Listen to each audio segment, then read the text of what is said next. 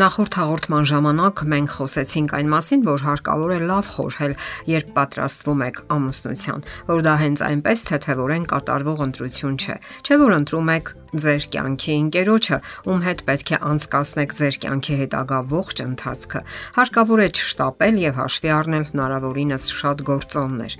Իսկ ինչպիսի բարդություններ են առաջանում այդ ժամանակ, որոնք հարկավոր է հաշվի առնել։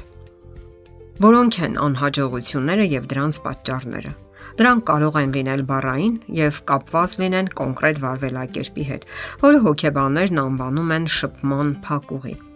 Այդ ժամանակ կողմերը ցանկանում են արտահայտել իրենց տեսակետները, սակայն միևնույն ժամանակ այն զգացողությունն ունեն, որ իրենց չեն հասկանում կամ չեն լսում։ Հարաբերություններում գոյություն ունեն նաև այսպես կոչված զեղծարարություններ, ծածկամտություն, կեղծիկ, հանուն այսպես կոչված բարորության կամ պարզապես կեղծիկ, կեղծավորություն, ապատեղեկատվություն։ Եվ որpիսի հասկանաք, թե ինչպես եք շփվում, կարող եք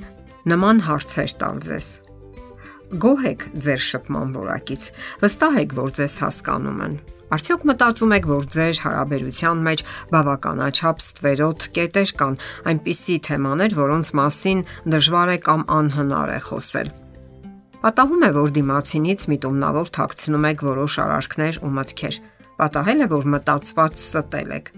Ինչ եք կարծում, հնարավոր է, որ դիմացինը ինչ որ բան է թաքցնում ձեզնից կամ նույնիսկ ստում է Դուք արդեն բախվել եք միտումնավոր ստի բացահայտման։ Եթե այո, ապա ինչպես եք հաղթահարել այդ իրավիճակը։ Մերձության ինչ աստիճանի վրա եք գտնվում դուք։ Դուք պետք է փորձեք հասկանալ, թե մտերմության ինչ մակարդակ կա ձեր միջև։ Դա տարբեր գործոնների միաժամանակյա հանրագումար է։ Նախ զգացումները, երբ զգում եք, որ հասկանում եք միմյանց, կարող եք հանել դիմակները Նաև համաձայնության մեջ եք, առանց խոսքերի հասկանում եք միմյանց։ Հաջորդը ժամանակն է, որ նվիրաբերում եք միմյանց, որpիսի միասին լավ զգաք ձեզ։ Եվ վերջապես դա համատեղ տարածությունն է, որ գալիս է ամուսնությունից հետո՝ տուն, բնակարան, սենյակ եւ այլն։ Լինել մտերիմ նշանակում է անվտանգության մեջ զգալ իրեն, որ ձեր դիմացինը սատարում եւ ընդունում է ձեզ այնպիսին, ինչպիսին դուք կաք իրականում Որն է ճիշտ տարածությունը ընկերների միջև։ Հոգեբույժ Պատրիկ Էստրադա parзաբանում է. Լինել բավականաչափ մտերիմ միմյանց հետ կապ ունենալու համար եւ ընդ որում լինել բավականաչափ հեռու, որpիսի նա կարողանա զարմացնել ձեզ։ Հասկանալու համար թե ինչպիսի տարածություն գոյություն ունի ձեր միջև, կարող եք պատասխանել հետեւյալ հարցերին։ Զգում եք, որ դիմացինը իսկապես լսում է ձեզ, իսկ դուք իրականում լսում եք նրան։ Որքան հաճախ եք կիսվում այն բաներով, ինչը հուզում է ձեզ, հիացնում է, գրավում կամ անհանգստացնում։ Դուք զգում եք, որ դիմացինը բարյացակամ, հումորով է ընդունում ձեր ոչ մեծ թերություններն ու տարօրինակությունները։ Արդյոք նույն ձևով եք պատասխանում նրան։ Կան մտքեր, փաստեր կամ արարքներ, որոնց մասին դուք չեք պատմում ոչ մեկին կամ պատմում եք ուրիշ մեկին, բայց ոչ ձեր ընկերոջը, որpիսի պահպանեք կապը դիմացինի մտերմավարությունը, շարժուձև խոսքեր, վարքագից ձեր մեջ քնքշություն են առաջացնում, թե նյարդայնություն կամ վիճաբանության տեղիք են տալիս։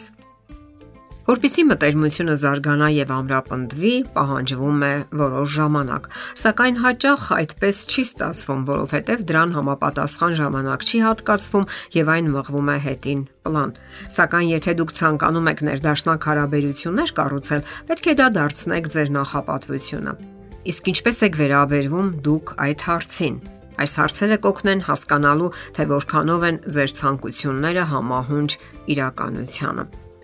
Մտածեք նաև այն մասին, թե որքան հաճախ եք հետաձգում համատեղ ծրագրերը, զբոսանքները, ճանապարհորդությունները, համատեղ ժամանցը, չնայած այն բանին, որ ներքուստ համաձայն չեք դրա հետ, սակայն ենթարկվում եք դիմացինի պահանջներին։ Կարևոր է նաև այն հարցը, թե որքանով եք կարողանում միայնակ մնալ ինքներդ ձեզ հետ։ Իսկ եթե ավելի հաճախ հնարավորություն լիներ միասին ժամանակ անցկасնելու, կօգտվեիք այդ հնարավորությունից։